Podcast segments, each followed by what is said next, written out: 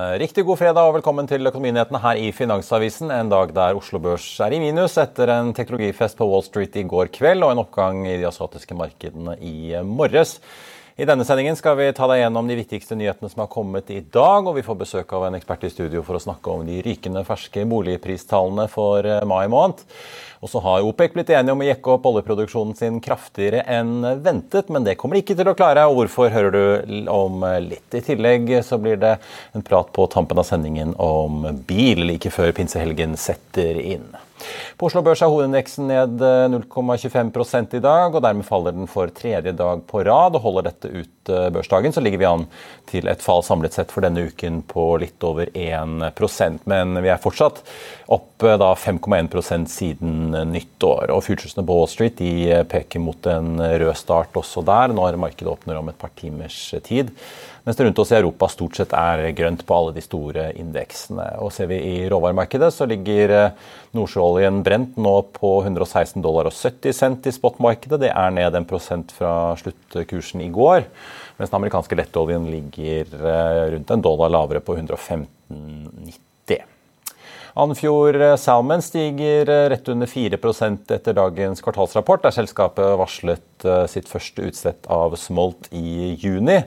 Og så får vi også ta med utviklingen i flybransjen. SAS-aksjen ligger nå på 75 norske øre, ned et par prosent i dag etter ganske kraftig fall tidligere denne uken. SAS har jo lansert flere detaljer i denne redningsplanen SAS Forward, og denne uken ble det altså klart at de ønsker å konvertere rundt 20 milliarder svenske kroner i gjeld å få inn minst 9,5 milliarder i frisk kapital. Så kom det jo for en dag da i Dagens Næringsliv her i går kveld at Næringsdepartementet nå har hyret inn meglerhuset ABG og advokatfirmaet Wiersholm for å bistå som rådgivere. Den norske staten har jo gitt SAS lånegarantier for halvannen milliarder kroner. Og Hvis det er sånn at SAS misligholder denne gjelden, så kan jo da den norske staten bli sittende med det, etter at de har utløst bankene de har garantert for. Den norske staten solgte jo sine siste aksjer i SAS for snaue 600 millioner norske kroner i 2018. Og som du kan lese på FA.no nå, så reddet dermed staten seg unna et tap som kunne vært på godt eh, over en halv milliard i dag, hvis vi da sammenligner med dagens kurs. Og da har vi jo ikke engang begynt å ta med hva den staten kunne tapt hvis man var med i emisjonen i SAS som ble gjennomført da på sensommeren 2020 i den første fasen av korona. Norwegian er ned 1,9% i dag. Flyr tikker oppover 2,3 mens langdistansekonkurrenten til SAS Norse Atlantic er ned 1,4 så må vi også innom en av de andre store taperne denne uken. Nordic Nanovektor er ned nye 4,7% i dag, til rett under 7 kroner aksjen. Det skjer altså etter det brutale fallet i går på 32% Meglerhuset Carnegie kutter kursmålet på aksjen nå fra 11 til 6,6 kroner og gjentar en holdanbefaling. Aksjen falt jo torsdag etter dårlige nyheter om den såkalte paradigmestudien til selskapet. Så shipping. SEB løfter Golden Ocean fra et kursmål på 120 til 180 kroner og gjentar en kjøpsanbefaling.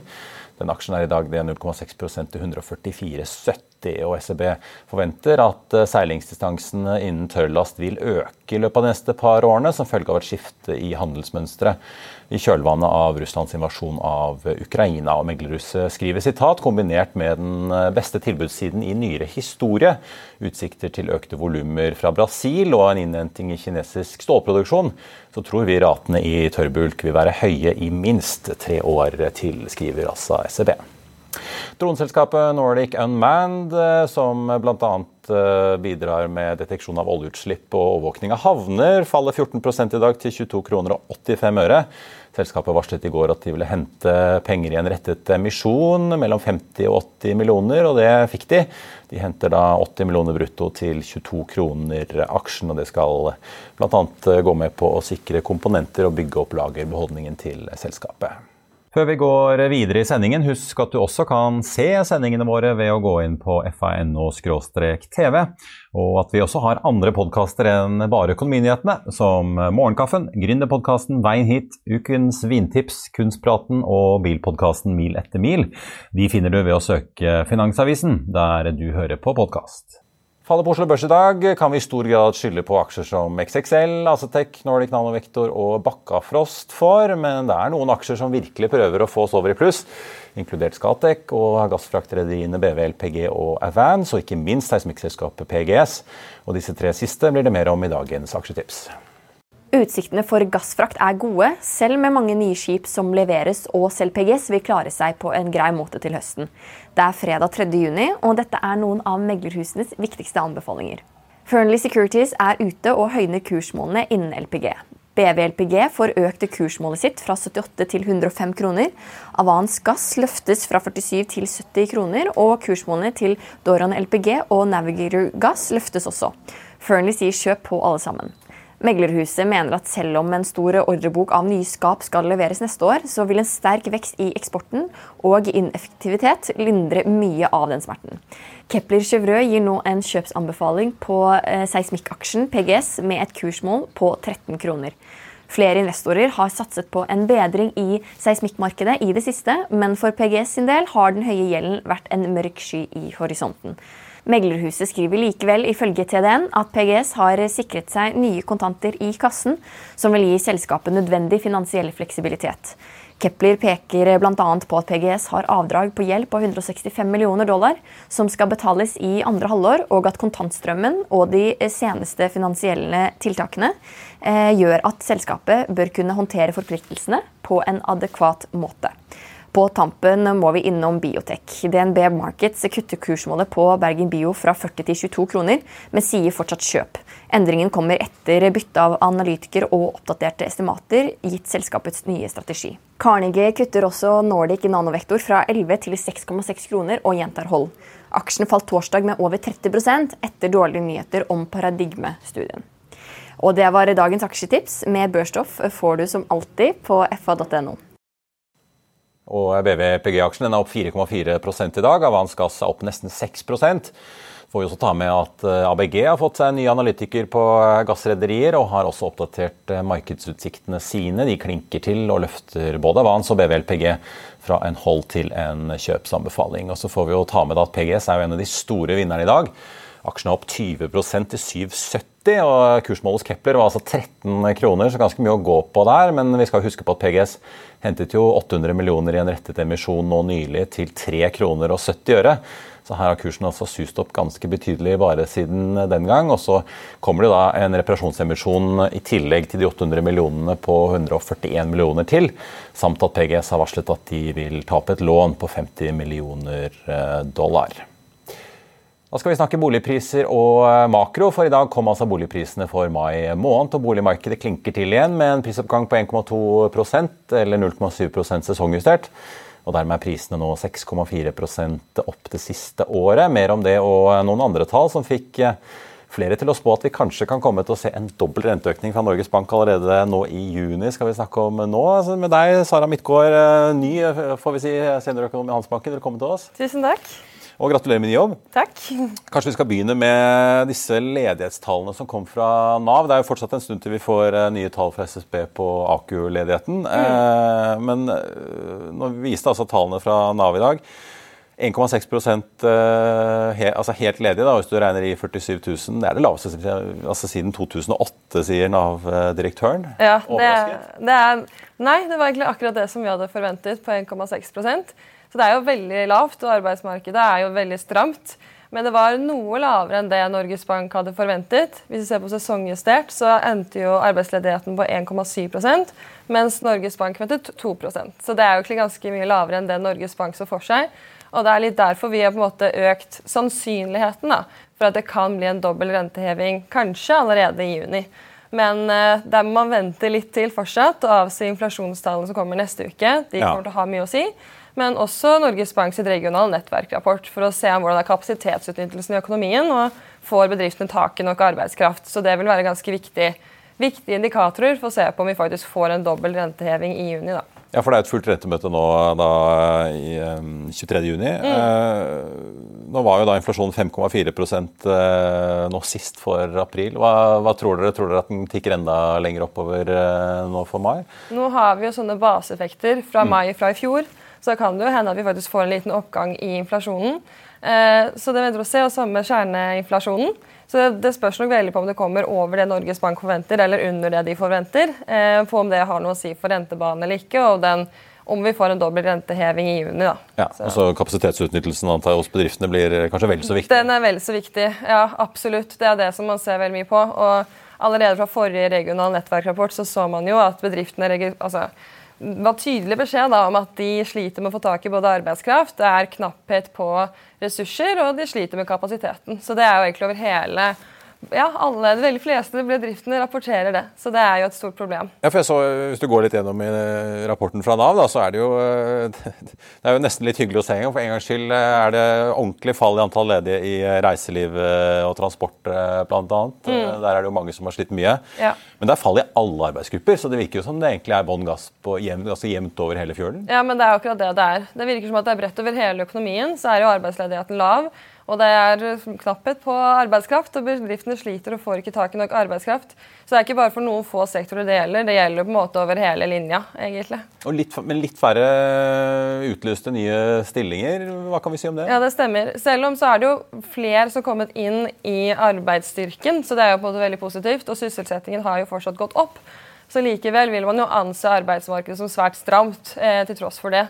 Så det er jo en ja, veldig veldig lav arbeidsledighet, som sagt, og sysselsettingen er fortsatt høy. Så det tyder på et stramt arbeidsmarked fortsatt. Klinker å gå unna. Ja. La oss uh, vende blikket til uh, boligmarkedet. Uh, du skrev i morges at dere i Handelsbanken ventet en sesongjustert prisoppgang da i mai på 0,4% Fasiten viste 0,7. Mm. 1,2 da ujustert. Hva, hva, tenker du når du har lest tallene? For du skrev jo riktignok at risikoen her var jo egentlig på oppsiden, at disse tallene kom til å være mye sterkere enn det man ventet? Det stemmer, og det handler egentlig mye om tilbudssiden. Det var det som vi var litt spent på, hvordan vil tilbudssiden utvikle seg nå i mai? For nå har det jo vært eh, litt som vi har nevnt litt tidligere pga. avhendingsloven, en litt sånn midlertidig begrensning på tilbudssiden i starten av året. Ja, Folk gikk og ventet på disse tilstandsrapportene. Ikke sant. Ja. Og så tok det rett og slett lengre tid. Så var ikke det at det var mangel på takstmenn, men det tok rett og slett lengre tid å lage disse tilstandsrapportene, slik at vi fikk en liten flaskehalseffekt i starten av året. Men nå ser man at det er flere boliger som har blitt lagt ut for salg. Likevel så er det jo fortsatt ganske høy antall usolgte, eller få usolgte boliger ute på markedet. Så det er jo fortsatt en begrensning på tilbudssiden fortsatt, da, som også sikkert har vært med på å presse opp prisen litt nå. Men så er det jo litt overraskende også at etterspørselen fortsatt holder seg så høy. Det virker ikke som at husholdningene har blitt skremt av den nye rentebane fra Norges Bank.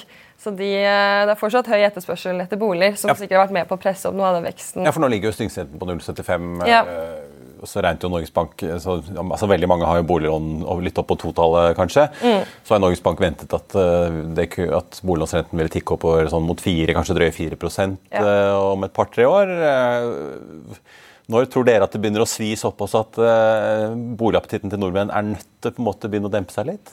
Det handler jo også om de faktisk kommer til å følge den rentebanen de har lagt til grunn nå. Hvis det ender opp med at vi får en også dobbel renteheving i juni, så kan vi jo se for oss at boligprisene begynner å dabbe av. altså Vi får boligprisfall i løpet av høsten, mer enn de typiske sesongtrendene som man ser. Og at, vi, at det ikke er utelukkende å få et boligprisfall eh, gjennomsnitt år år neste år. Ja. Eh, men samtidig så er det jo drivere som går i forskjellige retninger. Så den, det er begrenset nedsiderisiko på boligprisfall neste år. Så vi får jo en ganske høy lønnsvekst, venter vi, og det er begrensninger på tilbudssiden. Nå bygges det jo veldig få boliger pga. høye byggekostnader, så det påvirker igjen tilbudet av nye boliger om et år. da. Så det begrenser litt den nedsiderisikoen for et slags boligprisfall.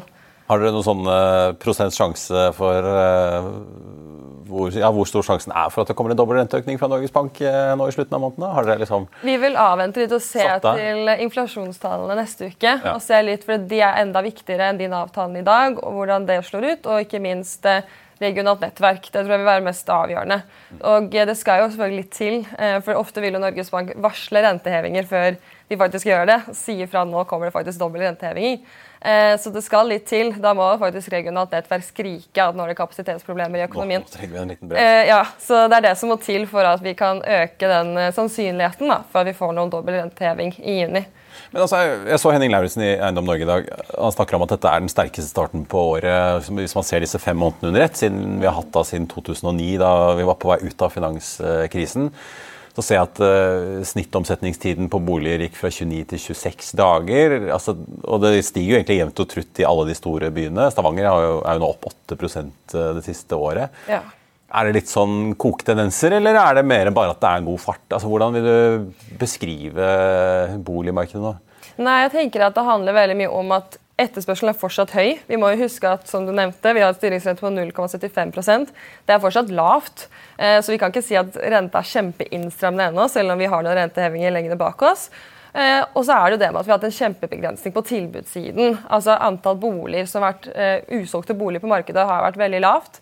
Og da har det vært med på å fortsatt holde boligprisveksten høy, i hvert fall i starten av året. Så det viser litt om hvor viktig tilbudssiden også er for boligprisutviklingen.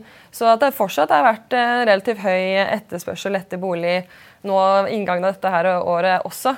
Så det er nok noen av de faktorene som spiller en rolle. Og så som man ser i Nav-tallene. Lav arbeidsledighet, sikkert høy lønnsvekst, folk eh, har høyere lønn. Så til tross for også høyere inflasjon, så har folk eh, fortsatt sterk kjøpekraft. Bare strømregningen som kan skrive ikke sant? selv de beste av oss. Ja. Uh, ja. Men altså, det var, jo snakket om for du snakket om den avvenningsloven. ikke sant? At da ville kanskje, Og så hadde vi omikron-smitte her på starten av året, ja. som kanskje gjorde at en del skjøp på visninger. Men ser vi noe tegn til en sånn vårflom i det hele tatt, eller er det man ser jo litt tegn til det allerede nå. Eh, bare det med at antall boliger som blir lagt ut for salg, har økt eh, noe, litt mer på normale nivåer, er jo en indikasjon på at ikke kanskje en tidenes vårflom, men at det blir litt mer normalt enn det vi har sett eh, hittil i år. Men så vil jo det ta litt tid før det påvirker antall usolgte boliger på markedet. For det er litt sånn etterslep her. Ja. Men at vi sikkert etter hvert mot sommeren kan se at vi har litt mer boligtilbud enn det vi har i dag. Og det også kan være med på å trigge noe av det potensielle fallet, eller at renta biter mer da, ja. Eh, etter hvert mot høsten, hvis boligtilbudet begynner å ta seg opp litt. Men jeg tror nok ikke vi får noe kjempevårflom. Det tror jeg ikke. Det, ja, for det er forskjell fra liksom at du får litt flere boliger inn som letter trykket litt, versus det at det bare renner inn så mange ja. boliger at uh, det er ingen som å inngå i noe budkamp? Nei, det blir nok litt, uh, litt lettere, ja. Ikke noe veldig heftig greie, nei. Hva er spådommen deres i Handelsbanken? Nå ligger vi jo ja, opp 6,4 de siste tolv uh, måneder. Hva, mm. hva, hvordan tror dere at uh, statistikken ser ut når vi begynner å nærme oss avslutningen på 2022? Det er fortsatt litt sånn usikkert å si, men det er vel sikkert rundt 4-5% i det intervallet der. Så det avhenger litt av hvordan rentebanen blir, og hvor mye boligprisene biter av endrede rentebane. Men rundt 4-5% i år, da, ser vi for oss. Og at på undersida vi kan få et fall neste år på ca. 1% da, er det vi ser for oss. Ja. Mm. Så får vi se hva KPI-tallene til SSB viser, om vi da faktisk får en realøkning i boligprisene, eller om det blir, ja, det blir netto null når inflasjonen har tatt sitt. Det, det får vi vente og se. Mm. Sara Midtgaard i Handelsbanken, takk skal du ha, og god pinsehelg. Tusen takk. I'll see you in court. Vi sier det ofte litt på spøk, men for deg som driver business, er det aldri moro å innse at du ikke har laget en 100% gyldig kontrakt. Du bør ikke risikere hele firmaet ditt fordi du synes dette med kontrakter er litt stress. En avtale er ikke en avtale. Du kan miste kunder, miste venner, ja, til og med miste inntekter om du ikke lager en skikkelig kontrakt, på alt mulig, egentlig. Men vi vet det er et styr, kopimaskiner, tregprinter og haugevis av papir. Dessuten stoler vi jo på folk her i landet. Det er ofte litt kleint å skulle be om en signatur for alt mulig, ja, for mye av styret handler også om jakten på underskriften. Det finnes en enkel måte å løse dette på, Dukkobit, en trygg, effektiv og get this, gratis måte å sikre seg en god natts søvn pluss en juridisk bindende avtale. Dukkobit-appen har de strengeste sikkerhetskrav i bunn, samt en EU-godkjent og sertifisert teknologi. Framover vil det bli behagelig å spørre du, skal vi skrive under på det, eller? Kom i gang på dokobit.no.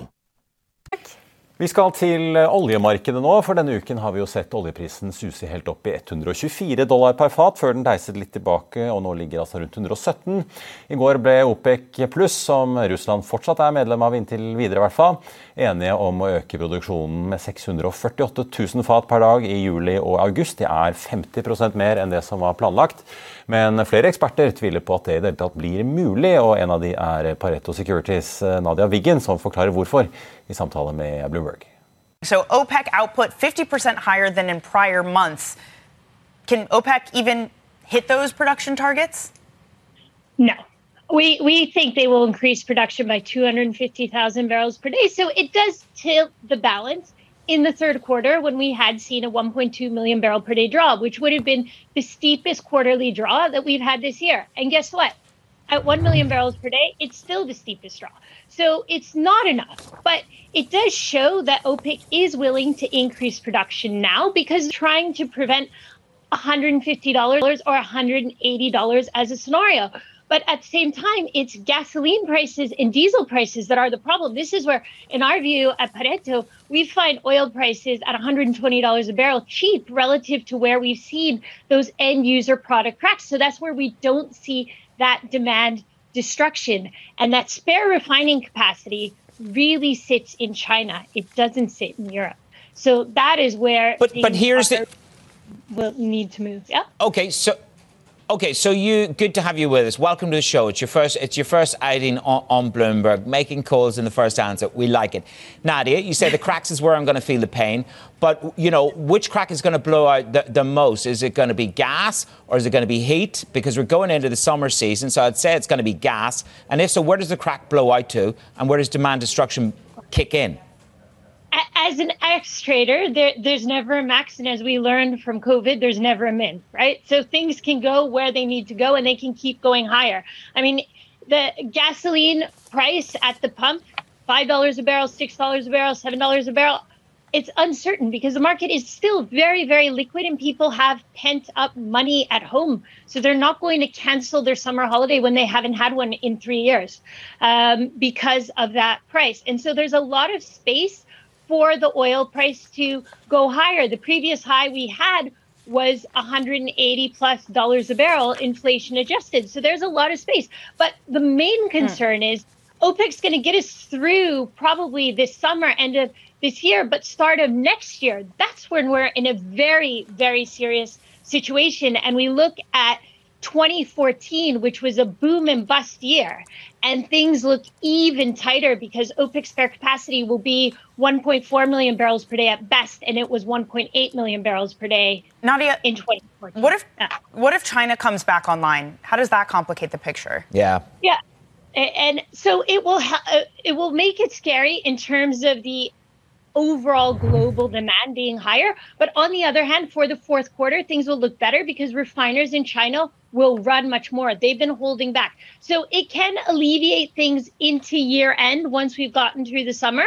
But then again, for next year, we're starting in such a tight situation when the US is just not ramping up production. We're not going to start to see more US oil in in bulk coming before that first second quarter of next year and that is where we're we're very concerned um, that this is just not enough. We're super bullish as a result what happens if Europe sanctions Russian gas? Right. That that is the way we put the maximum political pressure on Russia. I think we are already anticipating maximum switching in terms of gas to oil. We gas supplies into Europe will probably be around 13 to 15 percent lower than what our expected demand profile is. And that is a very big deal. Um, so, but it, it hits that Central and Eastern Europe part the most. Not so much Germany, which has been the focus, but as we've seen with sanctions so far, and when Russia cut off supply of gas to Poland, we've had that reverse flow uh, going forward. Mm. So that is something that will cause absolute uh, demand destruction here in the short okay. term. Yeah. Nadia, I mean, I, I really love all the conviction behind your call. So, that being said, I can't let you leave without putting some numbers to that conviction. You say you're super bullish. Give us some levels you're looking out for in terms so, so of we're oil. looking at yeah, 100 to 135 dollars a barrel is a very comfortable trading range for the next nine to 12 months for the oil market. That is without these extreme scenarios of everything coming back in China with uh, you know full on. Uh, easing continuing instead of this tightening cycle, that, that is where we see things looking uh, quite comfortable. Da skal vi snakke bil, og bilprodusentene måker jo nå ut elbilmodell etter elbilmodell. og Kollega Håkon Sæbø har sett nærmere på en tysk en som mange av oss historisk sett hvert fall har sittet i baksetet på. Bare se her. Dette er nye Mercedes AMG EQE 43 Firmatic. Den foreløpig toppmodellen av EQE-serien. Det kommer jo rimeligere versjon enn denne. Men du kjenner igjen AMG-versjonen ved at den har disse vertikale rillene. Litt som pinstripe-dressen til Egon Olsen. Den står på gigantiske hjul, 21 tommer. Det robber deg for litt eh, rekkevidde. 533 km maksimalt. Denne har 467 km rekkevidde. Men eh, kreftene er det jo iallfall eh, mer enn nok av, skulle man tro. 476 hestekrefter, 858 newtonmeter og 0 til 100 på 4,2 sekunder. Det er jo en svær bil, dette her. Nesten fem meter lang. Men bagasjerommet det er faktisk ikke så digert. 430 liter. En BMW I4 er faktisk 470 liter. Her er det jo to veldig hendige kofferter. De er jo kjekke. Flott. Og En annen ting som jeg la merke til nå, er at eh, bakluken går bare opp hit. så Det betyr at du må laste inn i bilen, mens på en eh, I4, og faktisk storbroren til den her, EQS, så løfter bakluken seg helt opp. Så eh, skuffende. Kanskje litt. Iallfall har den påskriften som vi jo liker ekstra godt. Og visstnok så skal AMG-en ha da tre riller her, mens den vanlige EUK-en har bare to.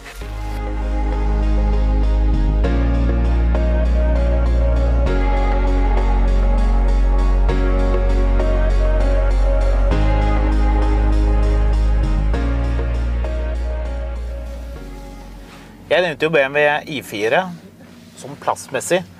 Og den har jo 544 hestekrefter, toppmodellen. Men eh, prismessig er det ganske stor forskjell. For eh, denne bilen starter på 909 800 kroner. Og bilen vi sitter i nå, som eh, riktignok er deilig utstyrt, den koster 1170. Da får du jo heldigvis litt sånn snadder på rattet, da, sånn som disse knappene her, hvor du kan skru på ekstra sportslig lyd hvis man vil ha det. Jeg kan også justere så jeg får eh, et enda mer sportslig oppsett. Bilen eh, har jo et eh, understell som ligner mye på det i en EQS. Så det er jo komfortabelt, men betydelig strammere. Og her er det jo luftgjæring, men når vi kjører på en sånn vei som det her, og vi setter den i Sport pluss, da blir både lyden litt mer morsom, og du kjenner at bilen blir mye strammere enn det en EQS noen gang kommer til å bli. Så var det det med batteri og lading. da. Den bilen har faktisk et ganske stort batteri. 90,6 kWt. Men eh, hurtigladingen eh, var ikke helt eh, perfekt. 170 kW. En BMW I4 har jo 205 kW. EQS har 200. Mens Porsche Taycan og Audi E-tron GT, som jo prismessig ligner mye på dette her, de har 270 kW. Mercedes AMG er eh, utvilsomt en eh, heftig bil å kjøre. Og en gledelig liten nyhet er at eh, denne bilen kan du faktisk få ganske kjapt. Mercedes sier at du kan få den levert allerede i august. Og det er jo en litt god nyhet, mens alle andre sliter med å levere bil om dagen.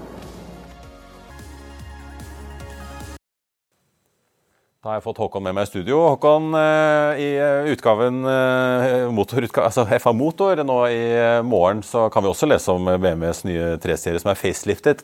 Den er jo ikke egentlig så spennende for nordmenn lenger. Nå er det jo bl.a. EQE og ikke minst coverbilen som kanskje er enda mer spennende. Ja, jeg gjør, jeg gjør bare sånn, jeg. Ja. Du ser liksom uh, ser... fenderen på denne BMW-en? Ja, ser lite grann. BMW IX M60.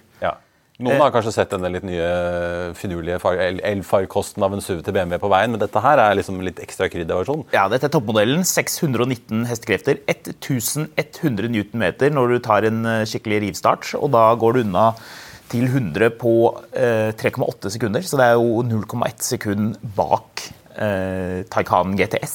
Ja. ja. Så det er, det, det er heftig. Ja, det går unna, men det er, eh, det er tunge biler, dette her. Det er, er 2,6 tonn. Så eh, det veier mye. Eh, riktignok så er jo denne bilen eh, veldig godt utstyrt, det er jo litt, sånn, litt av poenget. Så prisforskjellen til den som en del allerede går rundt og venter på, den såkalte 50-versjonen, den er ikke så stor. Det er litt av det vi skriver om, da. Ja. Og så har dere jo også påpekt at en annen elbil er på vei til Norge. Vi har kanskje sett et sånt glimt av fra USA. Lucid. Ja, det blir spennende å se hva som kommer der. Jeg tenker De får bare ta og bringe det over hit, og så skal vi kjøre og undersøke dette ganske grundig. Men det er jo klart, eh, er dette biler som passer for Norge? Det blir jo veldig gøy å se. Ja, for Det er liksom en Model S. altså Det er jo store sedaner, men den går jo voldsomt langt, den luciden. da, Det skal de amerikanerne ha. Ja. Ja. Så vi får se da, om det faktisk eh, blir så bra som det de, det de sier. Men du, som du poengterer, store sedaner, er det det folk eh, trakter etter for tiden? Jeg tror kanskje det er mer SUV som gjelder. Får se om de åpner forhandler på Karl Johan, de også, som eh, Nio har gjort med sitt Nio House. Ja, Og Xpeng i byen. sant. Du, eh, til slutt så tenkte jeg eh, noe annet som man kan lese om i helgen. Litt mer kuriøs farge, i hvert fall, og hva skal vi si, offroad pickup. Ja. Jeep Gladiator. Vi eh, tok den med ut i skogen en liten tur og satte inn eh, lavgirserie og fartet litt rundt. Det var gøy, det. Ja, for dette er en, hva da, en Jeep Wrangler hvor de har kappet og tak og satt på lasteplan. Ja, Og så har de gjort den veldig lang. Den bilen er jo eh, godt, godt over fem meter lang. Ja. Eh, Jeg tror faktisk den er over 5,5 meter lang òg, hvis jeg ikke husker helt feil. Eh, V6 diesel og masse avgift og ja Annerledes. Morsomste landtidsgruppen tar å by på om dagen. Ja, det er, det er gøy, men det er i hvert fall noe å lese om. Og ganske morsomt. Noen vil jo ha det, faktisk. Ja. Håkon, veldig bra. Masse å glede seg til. i hvert fall. God pinsehelg når den kommer. Du skal kanskje ut og kjøre litt. Må det. Da tenkte jeg Vi kan ta en titt på markedet nå på tampen av eh, både børsuken og børsdagen. Hovedveksten på Oslo Børs tikket enda litt eh, lenger ned. Ligger nå ned 0,35% til 1261 poeng. Oljeprisen hjelper jo ikke akkurat. Den er ned 0,76% nå, til 117 dollar fatet blank for et fat eh, nordsjøolje brenta i spot-markedet. Mens den amerikanske lettoljen ligger 80 cent under på 116,20. Og rundt oss i Europa er det fortsatt eh, jevnt og trutt eh, grønt med oppgang på de aller fleste børsene. Og ser vi på listen over de mest omsatte aksjene, så trekker Equinor, ikke minst PGS, seismikkaksjen opp. Eh, PGS er nå opp 16,6 da på bl.a. Keplers nye kursmål på aksjen eh, på nesten dobbelte av dagens kurs på 7,47. Ellers så trekker også Aker BP og Solstad Offshore opp 6,5% og 0,8% her i dag. 0,8 på Aker BP, altså. Kahoot og Nordic Semi også litt i pluss begge to i dag på listen over de mest omsatte aksjene. Boy Drilling faller 5,7 omsatt for 111 millioner kroner så langt i dag. Men denne aksjen har jo også steget noe voldsomt da, i løpet av året, så det er jo ikke akkurat noe synd på aksjonærene i det selskapet sånn med det første. Golden Ocean ned 0,4% på da gode utsikter til tørrlast, skal vi tro SEB. I Finansavisen i morgen på lørdag så kan du lese Trygve Hegnars leder om den norske fotballstjernen Erling Braut Haaland og politikken i han. Du kan lese om ukens aksje, som er smartklokkeselskapet Explora Technologies, som nylig meldte om en distribusjonsavtale med Telenors finske mobilselskap DNA. Så blir det profilintervju med Håkon Sæther, som var med på 70% av alle børsnoteringene på Oslo Børs i fjor. Og så blir det selvfølgelig da masse mer bil, vin og annet helgestoff. Og Det var det vi hadde for deg i denne omgang på denne fredag 3. juni på vei inn i pinsehelgen. Tusen takk for at du så eller hørte på.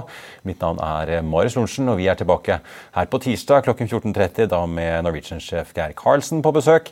I mellomtiden ønsker vi eh, deg og dine en riktig god pinse fra alle oss her i Finansavisen. Takk for nå.